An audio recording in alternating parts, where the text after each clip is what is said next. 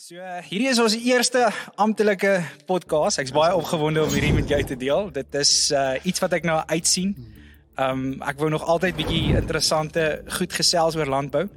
Ek is wel nie 'n kenner oor alles nie, maar ek vind altyd alles interessant. Boereland se podcast gaan oor uh, interessante dinge van boerdery wat ons bietjie gaan gaan praat oor. Um ek het eendag vir oom Barry Burger, uh Barry Barry, ek hoop ek sê dit reg, oom Barry Barry Barry Burger, ja. Barry Barry Burger. Um ja. hom bietjie raak geloop en hy het vir my 'n baie interessante ding gesê wat hy gesê het dis net die landbou wat die land kan bou. O, dis waar. En uh hierdie hierdie podcast gaan bietjie oorsig gee oor uh boerdery self en bietjie interessante elemente rondom boerdery wat mense nie alledaags sien of van weet nie. Ja. So ek dink dit gaan baie interessant wees om bietjie dit met mense te deel. En uh, so 'n bietjie perspektief ook van die boer se kant af te kry. En uh so dit is waaroor Boereland se podcast dan nou gaan en ek en ek sien uit om dit vorentoe nog baie te ontwikkel en nog elemente by te bring uh by die by die podcast om dit so 'n bietjie 'n groter prentjie te laat skep sodat mense 'n bietjie meer ehm um, soos ek sê bietjie meer 'n insig uh kykie in die boerdery praktyk kan kan kan kry. Ons gaan dalk hopelik met 'n uh, klomp interessante, daar's 'n paar goedjies wat ek nou al beplan het. So ek uh, ek sien baie uit om om dit met mense te deel, maar hierdie eerste show is ek regtig soos opgewonde om met die mense te deel en soos en met jou om dit met jou te doen wat deel is van die Boereland uh projek Yes. wat uh jy weet wat julle my toelaat om bietjie julle af te neem en soos bietjie in julle persoonlike spasie te beweeg. Soos hierdie setup wat ons nou gedoen het en giet. Ehm um, dankie vir julle moeite en goed en tyd wat julle ingesit het. En mense sien jy nie die goeders al alles agter die tyd hoe 'n uur en 'n half gevat om hierdie show om hierdie studiootjie aan mekaar te sit wat ons hier in die stoor opsit. So nee, ek waardeer dit baie.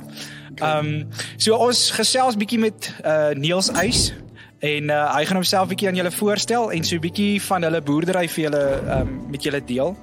En uh, so 'n bietjie vir julle vertel wat in hulle praktyk is en ons of ons onderwerp waar ons gaan gesels is 'n uh, bietjie bespuiting en toediening van die van die produkte en wat julle na uitsien hierdie hierdie seisoen met met die toedienings. En dan so 'n bietjie oor die tegnologie. Wat dit behels en uh wat se nuwe dalk is daar nuwe goed wat jy interessant vind wat ons kan gebruik uh of, of wat ons kan oor gesels. So uh, ek het 'n paar vrae wat ek jou ook gaan vra. So uh, ek sien super baie uit.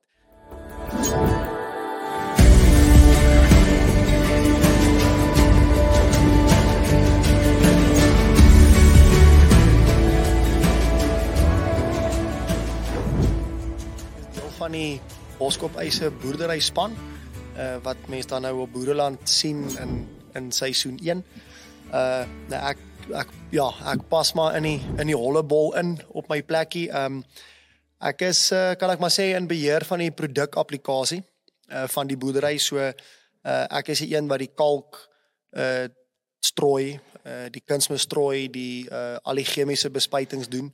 Uh ek's ook maar verantwoordelik vir die grondontledings en daai soort goed en dan ehm um, maar natuurlik ek en Piet boer saam en daar's 'n hele span agter ons. Ehm um, en uh ja, ehm um, dis waar ek inpas en uh maar ja, produkapplikasie spuit spesifiek ehm um, dis vir my 'n groot passie. Ek geniet dit ontsettend baie. Uh ek ek verstaan die chemie op 'n redelike manier. Ehm um, en uh dit maak dit vir my altyd in, interessant. Ehm um, en uh dis 'n uh, dis vir my altyd so interessant as daar net 'n bossie staan en dan uh, is die spuit oor hom. Dis so dis so sagte proses die die sproei daai mis raak die plantjie so. en dan sit verby met hom as jy 'n week later daar kom dan het hy dit nie gemaak nie. Maar um, ja, dis interessant en uh, ja, ek sien baie uit na die gesels. Um, Sê gou 'n bietjie vir my, ehm um, julle jy het nou vir my ietsie interessant vertel dat ehm um, die die spuitseisoen is eintlik om die draai. ja. En uh, het julle al het julle al bietjie hoe doen julle julle bestuur van julle beplanning vir die bespuiting vir die volgende seisoen? Ja. Kan jy dalk vir ons so 'n bietjie net 'n bietjie 'n kykie gee oor dit? Uh die bespuitings ehm um, werk maar op 'n program. Uh so ons het 'n 'n 'n 3 been program kan ek sê. Ehm um, so ons het 'n vooropkoms bespuiting wat dan uh natuurlik voor die onkruide opkom toegedien word en dit is dan gewoonlik reg agter die planter. Soos wat mense op die video's en goeie sien, ehm um, planters loop en dan op daai vars grond verkieslik voor dit gereën gereën het en die grond geseël het uh moet mens daai produk op die grond kry, produkte. Dan die opvolgbespuiting is as die mielies omtrent so enkel hoogte is, V2 rond. Ehm um, dit is dan om onkruide dood te maak en vroeë wurms en dan 'n laaste bespuiting is um, so laat as moontlik in die groei seisoen. Gewoonlik is die mielies dan so skouerhoogte.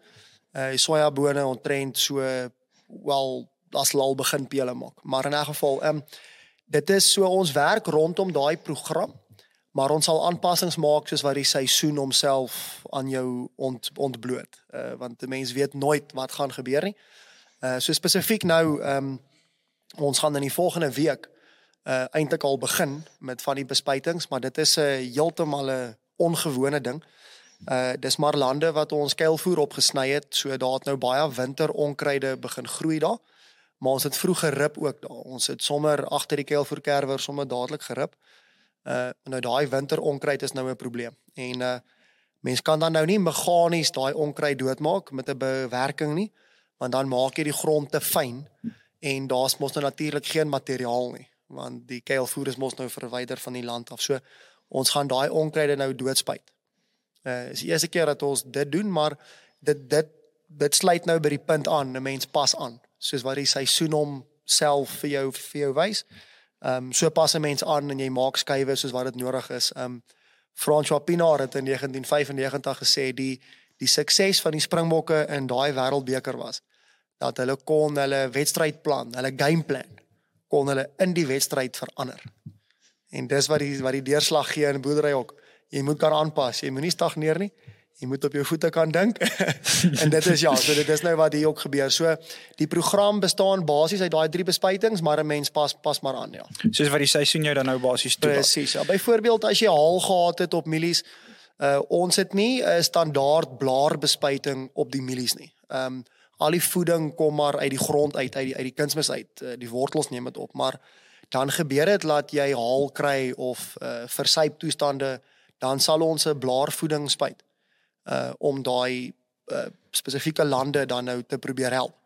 Ehm um, en uh maar dis nie standaard deel van die program nie. So mens pas maar aan ja. Maar dis dis baie interessant dat jy dat jy eintlik die geleentheid kry om om te kan aanpas. Ja. Jy weet dat jy jou gameplan so 'n bietjie kan verander in in sê gou 'n bietjie vir my wie help julle met daai proses? Hoe yes. hoe werk dit presies? As jy nou in die middel van hierdie seisoen is ja. of of so of begin van die seisoen en ewe skielik sien jy okay maar die die weer en ander faktore wat wat jou daai besluitnemings laat doen. Hoe hoe ja. hoe werk dit? Uh dis 'n baie belangrike deel van enige boerdery is die die landboumaatskappy of die die insetverskaffer saam met wie jy die pad loop. Ehm um, uh ons spesifiek gebruik 'n uh, agro center van Delmas. Uh so die agent in ons area is oom Joppie Victor. Ons kom al baie jare saam ehm um, en dan hulle dan natuurlik die produkte wat hulle versprei ehm um, onder andere Syngenta en Villa en uh op die blaarvoedings is dit uh Medicine World. Nou al daai maatskappye het agronome wat vir hulle werk en dit is een oproep weg. So as ons iewers oor 'n ding onseker is, dan ons bel vir oom Joppie en binne die volgende dag of binne een dag, as dit nie dieselfde dag is nie, die volgende dag, is oom Joppie en 'n landboukundige op die plaas om ons te help kyk na wat die toestande is. Uh, kom ons sê dis 'n siekte byvoorbeeld wat jy op 'n plant opmerk dan kan hulle sien wat dit is. Mens kan 'n 'n bepaling maak van of dit jou opbrengs beïnvloed of nie, want onthou al daai goed kos geld. Hmm. Ehm um, en uh, jy het nie noodwendig vir dit begroot nie. Uh as dit nou ekstra bespuitings sou wees. So ja, daai uh hulle kan jou help met die inligting en jou ook help om die, om die besluit te neem. So dit dis die groot ding is uh die ouens saam wie jy die pad stap. Ehm um, dis maar die ouens wat jy in jou in jou span het uh, bepaal hoe suksesvol jy gaan wees. So hulle maak eintlik dan nou deel uit van die span. Uh wat daai besluite moet neem. Besluite nee. moet ja, kan raad gee kan raad en dan die besluit. Moet jy die ja. finale call maak rondom Correct, dit. Ja. Nee, dis baie interessant. Sê ja. gou 'n bietjie vir my. Ehm um, julle waarna sien julle waarna sien jy uit spesifiek? Wat is altyd vir jou die lekkerste ding om te begin doen as julle die seisoen begin? Wat is vir jou interessant of wat soos jy jy het nou nou ja. gepraat van as daai as daai sproei so saggies oor die plant ja. en jy sien, maar wat is 'n ander element wat vir jou 'n bietjie interessant is van van die toediening en en so aan? Ehm um, dis dis natuurlik vir my lekker om met die masjien te werk uh, en en al die goed rondom dit, maar ehm um, die die rush van plantheid uh is is vir my baie lekker. Ek is mal oor dit. Ehm um, dis is lang ure en is harde werk, maar dis baie lekker en dan uh almal weet wat hulle moet doen en uh dit dis soos 'n geoliede masjien, al die goed loop en uh, dis baie lekker en dan um, uh een van die lekkerste goed is maar as jy ag daai klam grond, ons almal weet hoe dit ruik en hoe dit voel en uh maar dit as as dit alles nou mooi loop is dit lekker, maar as die rytjies begin wys en daar's 'n goeie stand. Dit is die lekkerste. Ehm um, want dan staan daai groen rytjies daar, ehm um, as jy 95 of 98% opkoms het, dan is ons baie tevrede. En dan sal gewoonlik as wel dit werk meeste van die tyd so uit, maar gewoonlik dan sal nie 'n bossie in sig nie. Daar's nie 'n wurmpie nie, daar's nie 'n ding wat daai plantjie pla nie. En dan weet jy daar is 'n uh, ontsettende groot potensiaal. Uh as daai 1 cm plantjie daar staan, staan, dan weet jy oor oor 6 maande is dit 2.5 meter hoog en daar staan soveel ton graan op 'n hektaar. So ja, dis een van die lekkerste goed ja, as hulle so rye wys. Ehm um, die toerusting wat jy gebruik. Vertel ons bietjie ja. oor oor die toerusting spesifiek en hoekom het jy spesifiek daai besluit gemaak op daai toerusting?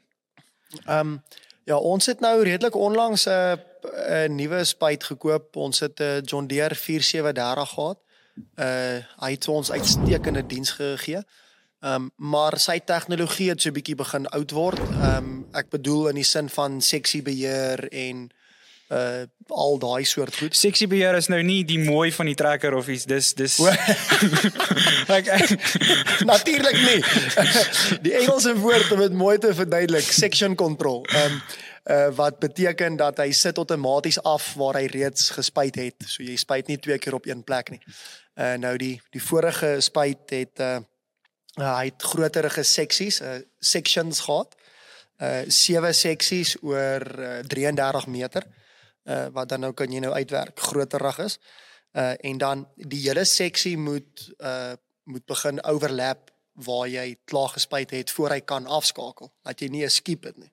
Ek hoor. Uh so maar dit mors 'n bietjie produk. Ehm um, veral op driehoeklande of klein landjies en kontoure spesifiek. Ehm um, so dit het vir ons begin 'n kopseer word. En uh ja, toe het John Deere die die nuwe ehm um, 600R reeks bekend gestel ook. Uh en ons kon dit toe nou regkry om uh, 'n 612R te koop. Hy het nou basies 2 seisoene gewerk al. Ehm um, en wat hom wonderlik maak, die tank is bietjie groter as die ou spuit en die boom is 'n bietjie wyer. Ehm um, maar die wonderlike ding van hom is hy het nozzle vir nozzle seksie beheer. Nozzle per nozzle section control. So elke spuitpunt skakel apart aan en af. Met ander woorde, sy seksies is 50 cm groot. Wat dan nou 'n groot besparing bring um op kontoure byvoorbeeld um dan spaar ons ons ons gebruik tussen 7 en 8% minder chemie uh, minder produk as met die ou spuit. Tussen 6 en 7. Dit is in 7 en 8%. Tussen 7 en 8%. Ja. Dis nogal, ek dink so, in die groot som oor Dit is skrikwekkend. As jy jy kan daai sommetjies maak, jy kan die numbers crunch. Uh dis skrikwekkend hoe baie geld dit is. Nou ehm um, dis natuurlik duurder, maar daai stelsel, nou ons het om 'n idee te gee ontrent so uh, so 25% van die hektare is kontoure. En uh praat bietjie onder korreksie, maar dit is daar daar rond.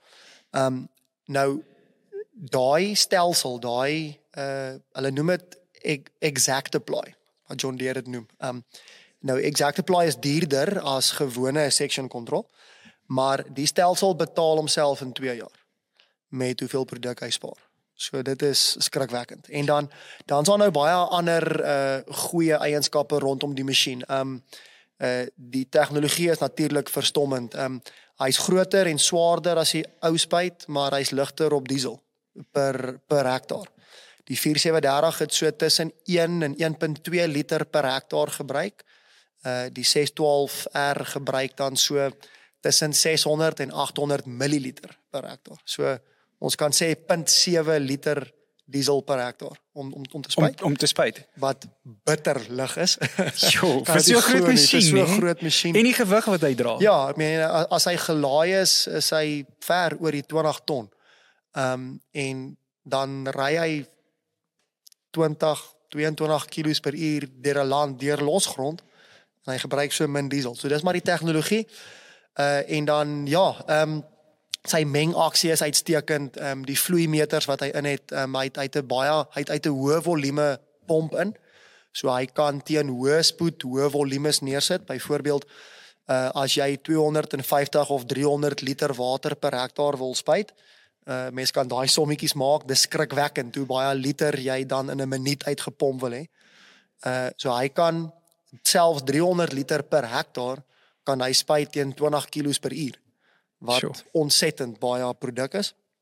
Ehm um, ons het hom al gekry uh, dan spuit ons groot groot lande. Dan spuit ons 50 hektaar per uur. Ehm um, dis saam met staan en volmaak en soem en dis dit is baie. Ehm um, dis vergelykbaar met uh, dis amper vergelykbaar met 'n vliegtyg. Ehm um, maar ja, ehm um, die nozzle uh aan en af dit is natuurlik wonderlik. Hy het 'n PWM funksie, uh, pulse width modulation wat dan spuit 'n nozzle nie net solied aan mekaar so wat ons dit ken nie, hulle puls fisies. Uh en dan kan hy byvoorbeeld ek gebruik nou maar die Engelse woord uh oor John Deere dit so bemark. Hy het dan turn compensation ook. So as jy okay. byvoorbeeld regs draai, dan sal die linkerkant van die boom vinniger puls en die binnekant jou jou binnebaan gaan stadiger puls. So jy gaan dan nie op jou binnebaan te veel produk neersit en op die buitebaan te min nie. So dis is daar's so baie goed. Ek kan jou aand jou besig hou met dit ja. So die momentum, so met ander woorde, die momentum wat hy wat hy dan nou mee draai, want onthou Korrek. die buitepunt dan nou Gaan vinniger. vinniger nê. Korrek. En dan die binnepunt is nou bietjie stadiger. Ja, en dit dit dit klink nou onbenullig, nê? Dit dit klink of dit nie saak maak nie, maar die boom is 36 meter breed. Uh en as jy mens sien dit duidelik as jy in hom sit, maar as jy op 'n kontour met 'n redelike draai, dan sien jy dit met jou oog. Laat die binneste nozzles stadiger puls, kan ek sê tsk, tsk, tsk, amper en die buitenste is amper solid spuit. 'n full duty cycle. En dan ek praat nie eens van omkragpale nie. Ek kan nou byvoorbeeld as daar 'n Eskom paal in 'n land is, dan kan ek nou na hom toe spuit en dan om hom spuit sonder laat ek die mielies naby die paal brand of uh, te min van die produk neersit op die op die buitekant. Jy weet so dit dit is wonderlik. En dan natuurlik elke nozzeltjie aan en af soos wat hy moet. Ehm um, so jy spuit glad nie produk twee keer op een plek nie en jy mis niks. Uh en dit help natuurlik ook met uh onkruiddoder weerstandigheid. Jy kry onkruide, bossies wat mm -hmm. begin weerstand opbou uh teen sekere middels, maar jy elimineer dit nou want daar's nie meer goed wat 'n te lae dosis kry nie. Oor 'n hele land kry alles nou Eweredig. eweredig tussen 90 en 100% van die dosis en nie meer tussen 70 en 100% nie. So dis al daai klein goedjies. Dis baie interessant. Dit add up, ja. Uh, Ek het 'n paar vrae hierso vir jou. Ja. Ehm Wat is wat sê jy sê is die belangrike kom ons wat is die belangrikste rede vir die bespuiting van sojas en mielies? Yes. Ehm um, een woord wat dit mooi kan beskryf is oesbeskerming of gewasbeskerming. So jy sit die pitte in die grond, jy sit die voeding in die grond. Uh die natuur moet sy roete loop, die goed moet ontkiem, hulle moet groei, hulle moet hulle kant bring. Dan is jou werk om hulle te beskerm so goed jy kan met wat jy het. Uh so ons kan nie vir hulle water gee nie, ons het nie besproeiing nie. Ons kan nie vir hulle son gee nie, hulle moet maar vat wat hulle kry. Uh maar ons kan hulle help deur onkruide van hulle af weg te hou, laat hulle nie kompetisie het nie met onkruide nie.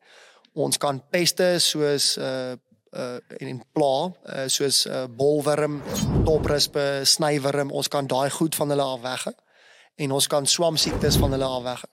So ons kan die plante gesond hou. So daai's eintlik basies al wat jy doen. Jy probeer net die oes beskerm om hom om te probeer so goed as moontlik kans gee vir 'n ordentlike opbrengs aan die einde van die groeiseisoen. Ehm um, om dit so vinnig uh, op te som, ehm um, as 'n mielie in 'n in 'n sak lê, 'n mieliepit in 'n sak, het uh, maklik 30 ton per hektaar opbrengspotensiaal, graanopbrengs. Maar soos daar goedjies skeefloop, verloor jy van daai opbrengse. Uh en ons probeer dan nou keer laat daar nie te veel goed skeefloop nie. Dit dis die doel van 'n bespuitingsprogram, ja. Hoe wel bespuiting op die opbrengs van die landbougewasse te verhoog? Uh right, dit kan dit nie verhoog nie. Uh want die potensiaal is daar. Al wat dit kan doen is dit kan jou verlies be, beperk. Uh, soos kom ek sê, nou het ons dit goed geplant. As ek 'n mielie in 'n kweekhuis sou plant, sal hy 30 ton hektaar maklik gee. Eintlik selfs meer, maar ons sê nou maar 30. Nou is dit byvoorbeeld 'n uh, bietjie te koud. Nou kom hy eers op dag 10 op en nie op dag 7 nie dan jy klaar 4 ton hektaar weg. Nou is jy op 26. Right. So so is daar klomp goedjies wat aanhou gebeur. So ons kan nie die opbrengs verhoog nie, maar ons kan die verliese probeer beperk. Soos right, ons maak dan nou doodseker dat daar nie bossies is nie. Uh ons spuit uh, spesifiek dan nou mikroelemente soos boor ook op die grond wat ons nie saam met die kunsmis kan insit nie uh in in ons praktyk nie.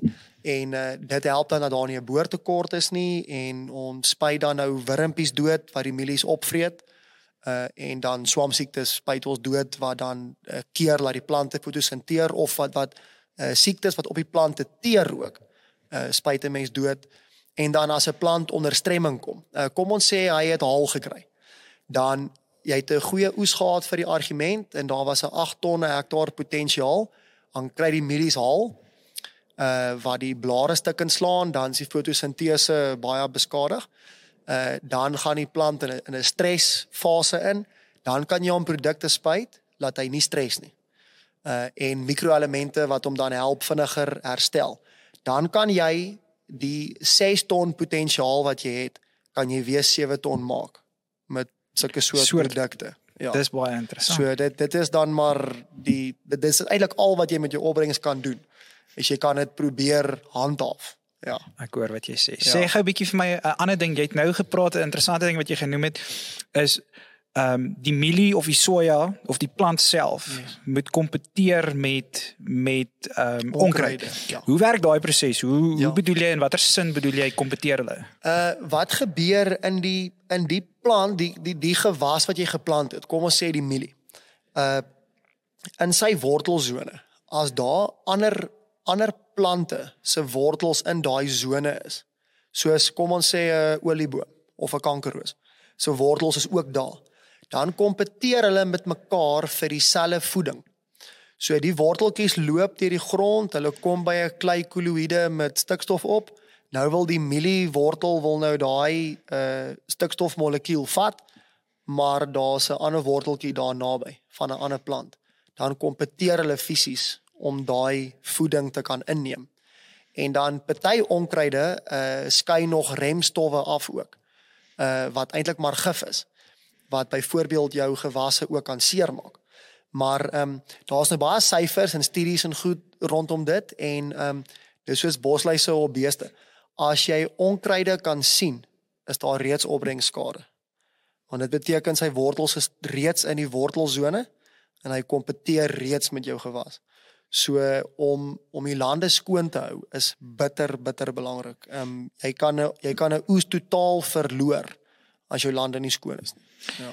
En jy het nou gepraat van die uh voorbespuiting. Ja. En dit is hoekom jy dan natuurlik die 'n uh, streng voorbespuitingsprogram gebruik op die ja, plaas. Ja, dis juist vir daai rede. Dis juist vir dit. Dis laat ehm um, uh enige onkruid want onthou ons het die grond nou gestimuleer met die saadbed voorbereiding nou wil daar bossies opkom saam met die uh saam met die mielies. Uh en dan as die oomblik as hy opkom, maak hy gif ons maar al klaar dood. Laat hy nie kan begin kompeteer met jou mielies nie. Ja. Kan jy enkele algemene pla en siektes noem wat jy gewoonlik bietjie tuister op die plaas? Is daar enige iets? Ehm yes. um, okay, behalwe onkruid, uh dan het ons natuurlik as ons hier goed geplant het en hulle begin opkom, dan is daar 'n ding soos 'n snywurm. Uh dit is 'n pestilensie. Um die mielies kom op uh en hulle wys pragtige rye en jy ry ver oggend daar verby en dit lyk te mooi. Hulle staan soos hare op ons rug. En as jy vanaand terugkom is daai mielies weg. Regtig. Dan het die snywurms hulle opgevreet. Ehm um, so ja, uh snywurms op jong goed is daar ehm um, soos hulle groter word dan kom daar uh, bolwurm is een probleem en uh toprispe op mielies is nog 'n probleem. Toprispe is uh, groter mielies en selfs ook as hulle begin kop maak. En dan kry jy 'n uh, stronkboorder uh dis nog alles op mielies. Dan op sojabone kry jy um, ook snywurms bietjie as hulle jonk is. En mhm. dan uh bolwurm is 'n baie groot probleem op uh, op sojas. En jy kry ander wurms ook soos soos loopers en sulke soort goed. En dan natuurlik komando wurm. Daar oh, was so 2, 3 jaar terug hier in ons area 'n bietjie 'n komando wurm probleem. uh, wat 'n erg erg kopseer kan word. Ehm um, hulle kan 'n uh, hele plaas opvreet dat daar geen blare is nie, net stokke. Dit lyk of die haal die goed geslaan het. Sure. Ehm um, maar ja, so dit is dit is uh, wat wat die wat die wurms betref. Uh jy kry kewers en sulke goed ook, maar hulle moet jy op ander maniere beheer. Chemie kan hulle nie lekker beheer nie en dan natuurlik blaarsiektes. Uh soos ons kry byvoorbeeld in ons area op die mielies nogal grys blaarvlek, noordelike blaarskroei, uh breinroes. Daai soort goed is maar swamsiektes en dan jy kry swamdoders wat jy dan vir dit kan gebruik. Uh en uh ja, op die sojas uh ja, jy daar's ook goed soos uh, sclerotinia, maar jy kan dit nie regtig spuit uh, teen dit nie. Jy moet dit maar met wisselbou dit probeer beheer, maar ja, daai daai daai is die belangrikstes om vooruit te kyk, ja. Wat is wat is die doel van van ehm um, jy praat hier van wisselbou. Ja. Ehm um, hoe hanteer jy kan jy so net so kortliks vir ons verduidelik hoe hanteer mense dit met met wisselbou soos wat jy ja. nou gesê net bietjie 'n uh, kykie gee. Jy kan byvoorbeeld nie ehm um, 'n monokultuurstelsel aanhou volg. Byvoorbeeld laat jy jaar op jaar op jaar sojabone op dieselfde land plant nie. Uh, of selfs mielies uh vir 10 jaar lank elke jaar op dieselfde lande plant nie. Ehm um, mielies is bietjie meer vergewensgesind uh met met dit, maar soja hou nie van dit nie. Hmm. Want wat gebeur is daar begin swamme voorkom wat dan uh wat floreer saam met die sojas en as jy die siklus nie breek met 'n ander gewas soos mielies of koring of sonneblom of so iets nie dan word daai swam al hoe erger. Dit is 'n snowball effek. uh, Sclerotinia op die sojas spesifiek is 'n groot kopseer. Um, so jy kan miskien wegkom om 2 jaar na mekaar sojas te plant, maar die derde jaar gaan jy Sclerotinia jou pak gee. So dan moet jy mielies byvoorbeeld inbring, want Sclerotinia kan nie op mielies teer nie. So hy sterf uit uh en dan so jy jy probeer daai lewensiklus van die swam of van die wurm of wat ook al wat op die gewas teer. Hmm. Jy probeer daai lewensiklus breek. Breek. Ehm um, dit is maar die idee agter wisselbou ja. Dit maak nogal baie sin. Sê gou vir my bietjie dan so as jy as jy nou as jy spuit. Yes. En jy en en hoe kan ek sê jou produk is dalk nie heeltemal 100% korrek toegedien of, of so nie. Ja ja ja. ja. Wat se finansiële impak kan dit ja. hê op jou op die einde van die dag? Uh dit kan dit kan eintlik 'n uh, vreeslike nagevolge hê. Um as jy byvoorbeeld uh kom ek begin by die by die tank van die spuit. Um as jou mengsel nie ordentlik geroer word terwyl jy spuit nie, dan kan jy uh van die produkte kan begin uitsak uh byvoorbeeld suspensiekonsentrate hmm. kan begin afsak. Ehm um, en dan uh aan die kom ons sê aan die begin van jou tank se se se die die uitspuit van die tank gaan jy byvoorbeeld te veel van een produk op die land neersit en op die en te min van 'n ander een en op die einde van die tank as hy nou begin leer word is daai eerste kom ons sê suspensiekonsentraat reeds uit. So dan is jou produk nie ewerig ewerig toegedien nie. So daar's plekke waar jy te veel neergesit het wat dan jou gewas kan seermaak en daar's plekke waar jy te min neergesit het wat dan natuurlik geen werking gaan hê wat jy nodig het nie. Ehm um, so dis op die tank self en dan die die die toediening fisies op die spuitpunte, die nozzles, ehm um, is net so belangrik want ehm um, daar's 'n klomp faktore daar. Uh jou die die spuitdruk moet nie te hoog wees nie, dit moenie te laag wees nie. Die druppelgrootte moenie te groot of te klein wees nie. Um klein druppeltjies waai te maklik weg en verdamp te maklik. Maar grouwe druppels nou weer gee nie goeie bedekking op die grond of op die plant se blare nie. So daar's die toediening baie belangrik want um Party party uh produkte moet byvoorbeeld baie goed versprei wees oor die plant. Party produkte soek jy aan die onderkant van die blaar en bokant van die blaar. So dis nou waar al hierdie nozzle tegnologie, 3D uh, nozzles wat teen 'n hoek spuit en so uh, ook inkom. Ehm um, so ja, as 'n produk nie reg toegedien word nie, kan dit vir jou fisies gewas skade veroorsaak of dit kan maak dat die produk glad nie werk nie of swak werk. En dan kan jy dan op die einde van die dag groot finansiële skade ly. Jy kan, um, ek meen dit kan regtig gebeur dat jy as, as 'n produk nie goed gemeng is nie en uh, dan kan dit kom ons sê jy het 'n 30 hektaar mengsel in jou tank dan kan dit gebeur dat jy die eerste 15 hektaar van jou uh, van daai mengsel spuit jy 15 hektaar van jou gewas dood. Dit kan gebeur. Uh of dan uh, as jy dit nie uh, kom ons sê jou druk is te hoog en dit waai weg dan dis produk wat jy gekoop het en jy spuit dit uit maar dit werk nie want jou toediening jou jou druppels is is nie reg nie. So dit kan dit kan jy kan fisies gewas skade veroorsaak wat jou gaan geld jy gaan geld verloor uh, of dit gaan maak dat jou toediening nie werk nie. Uh so dan het jy in elk geval onkruide of wat se druk jy ook al het uh want jou jou toediening was nie so suksesvol nie. Ehm um, so ja, dit is 'n baie baie belangrike ding uh omdat dit die gewas moet beskerm en omdat jy nie want die produkte is baie duur. Uh en omdat jy dan daai dierproduk se werking nodig het en dit nie wil verloor nie. So die die spuit is 'n baie belangrike masjien. Um, dis dis baie dis ja. nogal baie baie gesofistikeerd. Verseker, ehm um, oor jy met so baie geld werk, ehm um, uh mense kan nie syfers uitwerk, maar ehm um, 'n uh, spyt ehm um, uh die hy hy dien sy waarde toe in produkte in 3 jaar.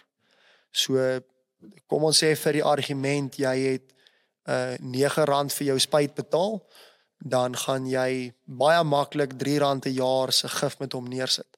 So in net in 3 jaar het jy jou spuit se waarde verbygegaan verby met die produk wat jy neergesit wat jy deur hom gepomp het. Ja, so dit hy hanteer hoë waarde goed, ja. Watter nuwe tegnologie word gebruik in die presisiebespuiting in die landboubedryf? Uh soos net nou vinnig gepraat het, die exact apply is nou al een van die goed uh wat dan nou maak dat jy nie overlap of stukke mis en so nie en tin compensation. Dan is daar nou 'n nuwe ding, ehm um, is al 'n hele ruk op die mark, uh, maar dit was nou nog nie so kwaai in die hoofstroom nie. Maar dit is 'n spot spray tegnologie wat hulle van praat. Ehm um, dit is dan is haar kameras op jou boom gemonteer wat dan teen baie hoë tempo uh fotos neem en dan kan sien as daar bossies op die grond staan uh en dan sal hy byvoorbeeld net 'n nozzle aansit as daar 'n bossie is. Uh met ander woorde, jy spuit dan nie meer noodwendig die hele land nie. Jy spuit net spesifiek daar waar daar 'n bossie is. Nou aan die begin, uh eerste keer wat ek van die tegnologie tegnologie gehoor het was omtrent so 2018 rond, so so 5 jaar terug. Uh het daai uh tegnologie net gewerk op 'n burn down bespuiting. Dis waar jy uh kaal grond het, daar's nie 'n gewas geplant nie en daar groei bossies. Dan wil jy net die bossies wat daar is, wil jy net doodmaak. Okay. So daai ding kon net onderskei tussen grond en bossies en waar hy 'n bossie sien, het hy dan daai um elke kamera het so 2 of 3 nozzles agterom. Ja. En dan hy kan daai nozzles aan of afsit of laat aan of afsit. Uh maar daai tegnologie het nou al so gevorder dat jy kan die kameras wat hulle nou het kan onderskei tussen 'n bossie en die gewas wat jy geplant het. So hy kan byvoorbeeld as jy oor die mielies ry, kyk natuurlik die produk wat jy spuit moenie jou gewas doodmaak nie. Ja. Ehm ja. um, dit maar dit gaan net oor die besparing. Uh en jy kan soveel as 95% spaar. Ehm um, 95%. Ja, want jy spuit fisies net waar die bossies is. so bring um, daai tegnologie. Ja, so en dis reeds in Suid-Afrika ook. Ehm um, is daar mense wat dit al gebruik of weet jy nie van Ek weet nie van mense wat dit gebruik nie, maar ek weet van agente wat dit verkoop. Hulle kan dit retrofit op uh, op jou huidige spuit ook. Ehm um, ons is self nog bietjie onseker oor hoe betroubaar dit is maar dit is reeds daar en daar is mense wat dit gebruik veral oor see weet ek van van boere. Ehm um, en uh so ja, daai kamera kan onderskei tussen 'n milli en 'n misbreedie. en hy sit dan die nozzle aan net om die misbredie raak te spuit. En dan het jy byvoorbeeld ook ehm um, jy het dan twee tanks op jou spuit. Kom ons sê een tank het dan vir die argument blaarvoeding en insekdoder in wat jy oor die hele land op al die mielies wil spuit met een stel nozzels. Mm.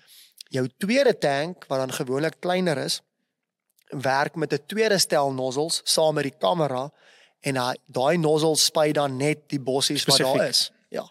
So ehm um, dit is dis besonderse tegnologie. Uh, John Deere het ook al van dit. Hulle noem dit see and spray. Uh nou uh, ek dink nie dis al in Suid-Afrika beskikbaar van hulle af nie, maar ehm um, dit is al in Amerika het ek gesien. Uh so dis een groot wonderlike ding. Uh en uh ja, mens moet maar net sien of dit uh hoe effektief dit is. Dit moet homself nog bewys so 'n bietjie. Mm. Maar uh, en dan drones natuurlik. Ehm um, ons het nou die laaste 2 jaar waar dit so baie nat was, het ons drones gebruik om te spuit. Ehm um, ja, dis alles tegnologie wat dit makliker maak, ja. En wat meer spaar. So. Ja, dis data-analises wat jy kry met julle opbrengste en julle goed. Hoe ja. hoe impakteer dit julle beplanning vir die bespuiting? Is daar yes. enige iets wat julle uit daai data uittrek wat deel maak of julle beplanning met julle spuitprogram kan ja. aanhelp? Ja. Soos byvoorbeeld nou maar die biomassa saam met die ja. saam met die opbrengs, daai wat byvoorbeeld field view, ja. daai tipe data wat julle intrek. Ja. Is daar is daar uh waarde in daai tipe data wat deel maak van julle spuitprogram? Ehm um, ons is nou nog baie nuut wat die field view betref, ehm um, maar ons sal dit vorentoe kan begin gebruik. Uh as jy byvoorbeeld ehm um, soos ons nou hierdie jaar al gesien het, ehm um, die satellietbeelde wat dan soos jy sê biomassa kan wys vir jou, dan kan jy dit sien op jou telefoon al uh nog sonder dat jy by 'n land was kan jy kolle sien waar daar probleme is. Byvoorbeeld, ehm um, is daar te veel onkruid, laat daar te veel plante groei op daai kol is of 'n kol wat swak plante groei het. Wat is die rede vir dit? Is daar wurms? Uh, is daar ander stremming? Is daar swam siektes? Is daar wat? So ja, mens gaan dit kan gebruik vorentoe. Ons het tot nou toe dit nog nie gebruik nie. Ehm um, maar ja, dis nou vir ons 'n nuwe ding wat nou begin begin oopmaak en ehm um, die tegnologie is daar. Die spuit kan dit doen. Uh jy kan kaarte op hom laai. Hulle noem dit RX uh wat jy voorskrif kaarte op hom laai en dan sal hy byvoorbeeld ehm um, uh meer of minder van 'n produk spuit na gelang van die kol van die land soos jy die data vir hom ingelees het. So hy kan dit nie sien nie, maar jy kan die satellietbeeld nou vat en dit verwerk in 'n formaat wat die uh, spuitse stelsel kan verstaan en dan gaan hy dit so so doen soos wat jy dit vir hom aanbeveel ja. So sulke goed is onmoontlik ja. Dis baie interessant. Ja, Ek dink nee, dit, dit maak nogal nuwe wêrelde oop vir jou in jou ja, besluitneming. Verseker, ehm um, dit dit het 'n baie groot waarde met uh bekalking, uh die pH regstellings van die grond en bemesting en plantestand. So dit is dis meer doeltreffend met die kunsmis en met die saad as met die gif. Uh maar mens sal dit kan gebruik selfs met die bespuitings ook, ja. Dit is dit is moontlik, ja. Ons het nou 'n bietjie gepraat oor die oor die drones. Ja. Nou, wat is die wat is die voordeel uh van drone bespuiting en uh gewone ehm um, grondbespuiting, grondbespuiting soos wat ja. jy dan nou normaalweg met die ja. die gewone uh spuit wat jy nou ja. spuit. Wat is die wat is die verskil daarin en ja. gesels bietjie met ons daaroor. Uh die drone het voor en nadele. Uh 'n voordeel wat hy het is dis nie 'n ding wat deur die land ry in die grond trap en kompakteer nie. Ehm um, en natuurlik kan hy nie vassit nie. En so as dit nat is, kan hy spuit. Ehm um, maar hy het ook 'n nadeel. Ehm um, hy kan nie so baie gewig dra nie. So hy spuit 'n baie lae volume. So byvoorbeeld ons sal vir die argument 180 of 200 liter per hektaar spuit. Uh en dan kom ons sê op 'n op 'n glifosaat bespuiting dan die produk wat jy neersit is omtrent so 5 liter per hektaar in totaal al die produkte. So dan dan dan spuit ons 130 liter. Uh en van van daai bespuiting dan 125 liter daarvan is water wat vir jou 'n goeie benatting, goeie bedekking gee en goeie penetrasie in 'n canopy in. Waar 'n drone byvoorbeeld uh sal net tussen 15 en 20 liter per hektaar spuit. Ehm um, wat wat dan nog nogals min is. Ehm um, maar hy kry ook penetrasie oor sy sy router se redelike downwash veroorsaak. Uh so die druppeltjies penetreer dan redelik goed en dis 'n baie fyn sprei, maar is baie gekonsentreerd. So dan as dit te warm of te winderig is, dan raak dit bietjie 'n probleem. Uh so daar kom nog ontwikkeling ook in daai deel van die van die mark. Op die oomblik ook uh van die drones wat ons laas jaar wou gebruik kon nie uh suspensie konsentrate spuit soos Callisto of Atrazine of daai soort goed nie. Um hulle kan eintlik maar net uh dunner goed spuit soos glifosaat of blaarvoedings of so. Hulle kan glad nie suspensie konsentrate lekker hanteer nie. Oor oor dit die die die die spuitmengsel word te dik. So dis so half bietjie nog 'n nadeel, maar hulle wil werk daaraan, die hmm. tegnologie ontwikkel vreeslik. Ek sal glo. En uh, dis nogal vinnig. Ehm um, jy kan met 'n drone ontrent wat wat baie goedkoper as 'n spuit is want hy's baie kleiner. Hmm. Uh jy kan met 'n goeie drone kan jy so tussen 60 en 70 hektaar 'n dag spuit ehm um, wat nogals goed wat is. Wat goed is vir daai ja, vir die vir die grootte nê. Nee. En vir die prys. Hmm. Is eintlik as jy dit vergelyk met 'n trekker en 'n sleepspuit uh kos 'n drone dan 'n derde van so 'n kombinasie en hy spuit omtrent die helfte van wat so 'n kombinasie kan spuit. So dis baie ehm um, eintlik baie ekonomies uh en uh daar daar's verseker baie ruimte. Ek weet uh, so ruk terug het ek 'n ding gelees uh, John Deere is met um, met navorsing besig waar jy kan uh by 'n land gaan jy 'n basisstasie kan neersit met produkte wat in 'n volgende 2 weke toegedien gaan moet word en die drone gaan dan self uit en spy dan soos wat die toestande hom toelaat. Ehm um, so sulke tegnologie is ook al op pad. Ehm um, en die idee met daai is jy gaan so drone vir elke plaas of vir elke sekere hoeveelheid lande of hektare. Hektare, ja. Ja, so dit's baie dis baie interessant die tegnologie so, vorder. Basies wat wat dan gaan gebeur is hy gaan uh die database waarvan hy gaan werk Correct. gaan basies uh die die weer, die wind ja. die omstandighede waarin hy werk, wat hy moet Correct. toedien wat jy nou basies dan nou vir hom ingelees het. Ja. Uh die tipe bespuiting en so aan. Ehm um, maar hoe dit gaan interessant. Dit sal nog interessant wees om te te sien hoe gaan hulle daai ehm um, hoe gaan hy homself volmaak met daai produk, nee. Ja, ehm um, hulle die videoetjies wat ek nou al gesien het is dit werk soos hierdie goed wat hulle vliegtye mee brandstof gooi terwyl hy vlieg. Dis so 'n kegel en dan die drone het so 'n nozzeltjie wat daar indruk. Ehm um, en dan dis nou nog daai tegnologie is maar nog in sy kinderskoene. Ehm mm. uh, maar die ontwikkeling is reeds daar. Ehm um, so daai weet ek gaan spesifiek baie handig in boorde en in sitrus wees.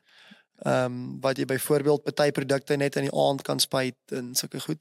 Ehm um, maar ja, die tegnologie ontwikkel verskriklik vinnig, ja. Mm. Wat is die doel van die genetiese gemodifiseerde gewas GM gewasse? Uh in die konteks van bespuiting. Ja.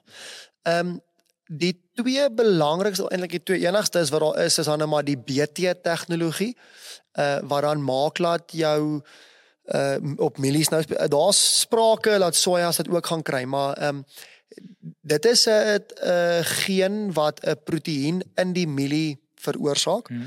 uh wat dan maak laat wanneer 'n wurm aan daai mielie eet dan gaan hy dood.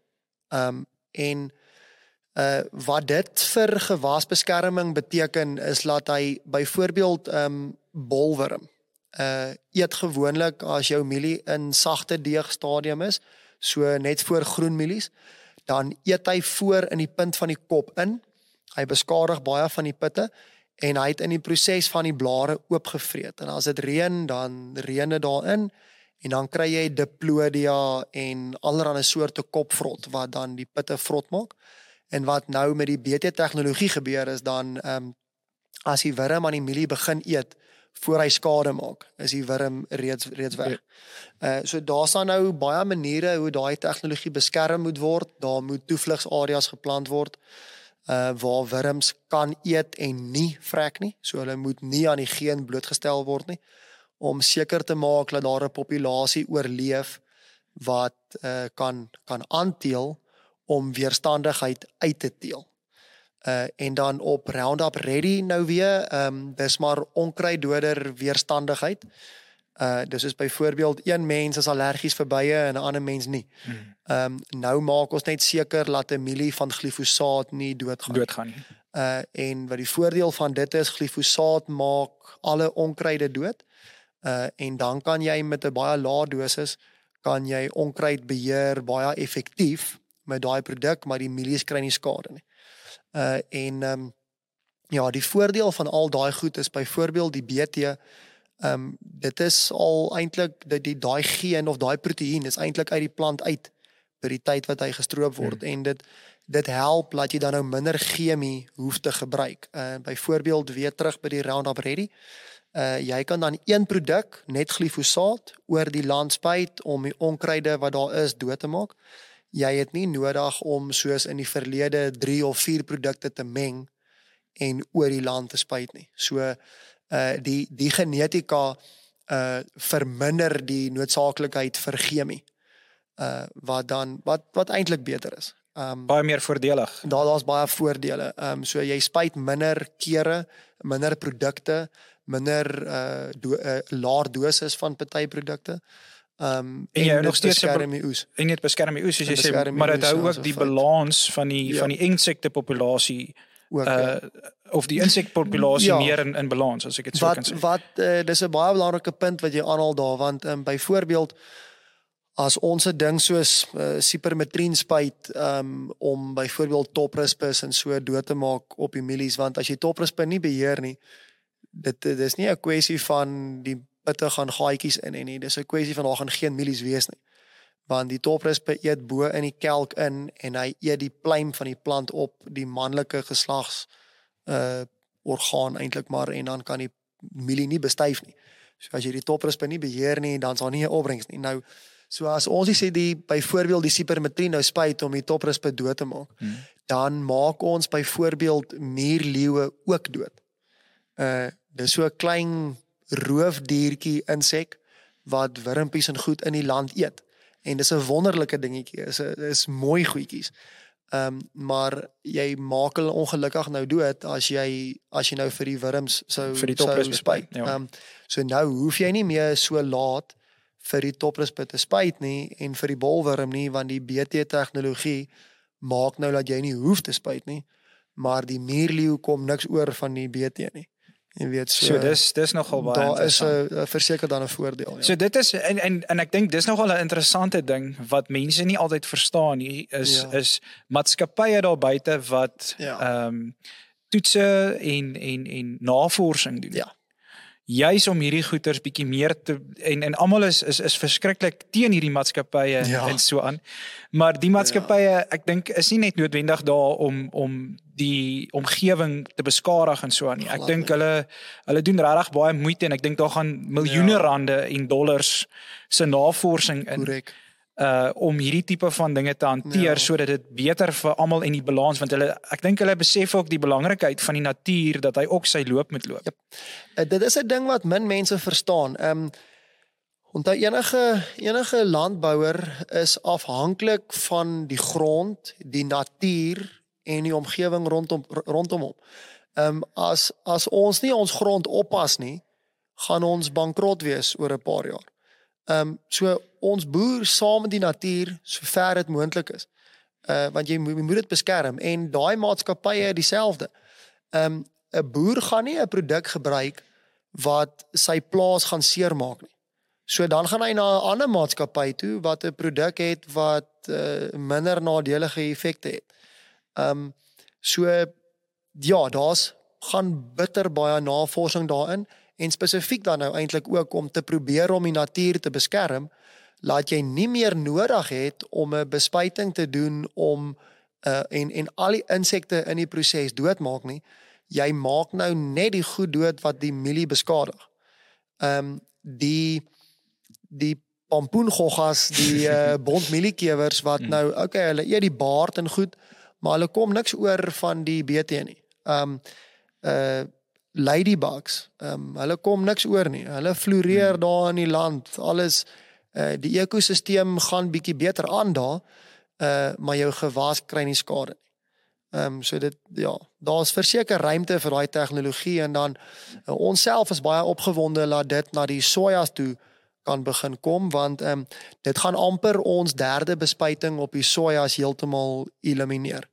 Uh want ons sal dit kan regkry om ons ons eerste opvolg, ons tweede bespuiting uh so 'n bietjie uit te rek om die ja. onkruid dan net dood te maak voor die sojas uh skade weer maak oor die bossies, so die lande sal skoon wees, maar dan hoef ons nie daai laaste um, wurmbespuiting te doen nie. Te so doen. dit gaan vir ons baie spaar, ja. So dit gaan julle geld so, spaar en dit gaan die omgewing help. En tyd en die omgewing want dan ja, dan sit 'n hele bespuiting minder, ja. Ja. ja. So dis so, baie dis baie interessant, nee, hoe hierdie tipe tegnologie en navorsing eintlik ja. daai drie elemente wat redelik belangrik is, ja. um, in jou gesaaides uh bietjie aanhelp. Presies. So dis ja. dis baie interessant. Ja, dis baie. Kan jy uh kan jy 'n voorbeeld gee van lande wat voorlopend is met implementering van hierdie soort tegnologieë wat jy gebruik. Ja, ehm um, ek dink die die twee groot voorlopers is maar Noord-Amerika. Ehm um, okay, Suid-Amerika ook kort op sy hake, maar uh, die Amerikaners is, is nogal voor met dit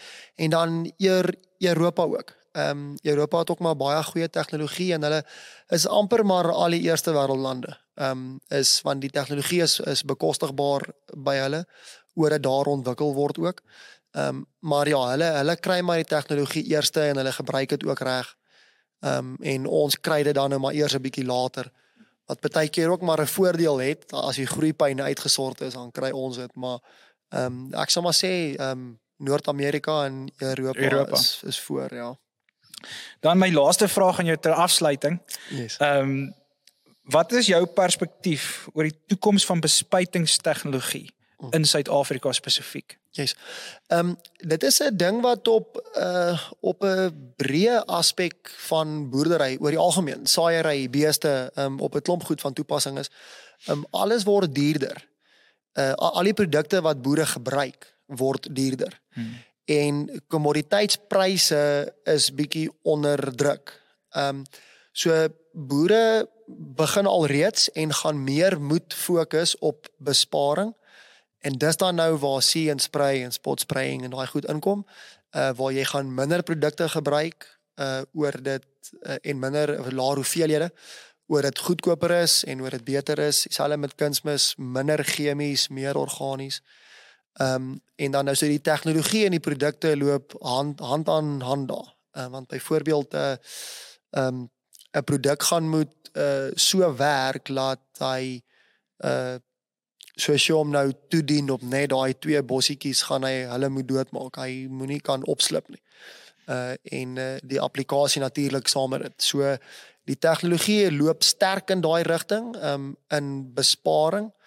Uh dieselverbruik byvoorbeeld is 'n uh, groot voorbeeld van dit. Uh ons self is in die laaste 12 jaar uh is ons uh, 20% af op ons dieselverbruik ehm um, wat natuurlike koste voordeel en 'n omgewingsvoordeel en alles het. Ehm um, en ek dink baie van die tegnologie loop in daai rigting en natuurlik ook uh saam met dit is die effektiwiteit van jou toediening. Byvoorbeeld daar kom daai outomatiese drones nou in. Uh hulle gaan in die aand kan spuit waar byvoorbeeld daar nie verdamping van die son is nie en sulke goed. Uh dan het jy ook uh dan is die laer volume meer effektief uh en so aan. So ja, daai tegnologie loop kwai in daai rigting so. Niels, ek sê vir jou baie dankie dat jy saam met ons bietjie gekuier het hierso op die Boereland podcast. Dit was my regtig 'n groot voorreg om met jou te kan gesels. En uh ek is ek is nogal ek is tot stom geslaan oor die oor die interessantheid van van hierdie ehm um, van hierdie gesprekke ja. wat ons gehad het en ja. ek dink daar was regtig interessante ja. goedjies. Ehm um, ek dink ook mense gaan hier kan daarin wegstap en dalk hm. ietsie geleer het en Ek dink ja. dit is heel belangrikheid van hierdie van hierdie podcast. Dat mense wegstap, al is dit net 'n golden, ek sê praat altyd van golden nuggets. Dan sou ietsie ja. kleins wat hulle dalk interessant gevind het. Ja, of so so, maar ek sê vir jou baie dankie en dankie vir die geleentheid. Nee, dit was 'n voorreg. Ehm, ek het dit baie geniet en uh ja, ehm um, elke ou sien sy vrou op sy manier. Jy doen wat vir jou werk op jou plaas en uh if it ain't broken, don't fix it. As goed werk, dan hou jy dit so maar beproef alles en behou die goeie. Ehm um, as jy mens moet aanpas, Uh maar tot op 'n mate ja. Maar baie interessant en dankie vir die geleentheid. Ek wil net ook baie dankie sê vir die borge wat hierdie episode borg en uh, dit is vir ons 'n groot voorreg om om uh, hierdie hierdie te kan doen en hierdie was nog 'n uh, 'n droom wat ek nog altyd gehad het is om bietjie om 'n landbou tipe podcast wat reg Suid-Afrikaans is op die been te bring en hierdie mense help om dit toe te om om dit te laat gebeur uh, in samewerking met julle en aan almal wat dan nou vorentoe ja. op hierdie um, podcast gaan wees. So ek sien baie uit en ek sien baie uit om met die mense hierdie goed te deel, interessante ja. goeters en ehm um, ja, so baie dankie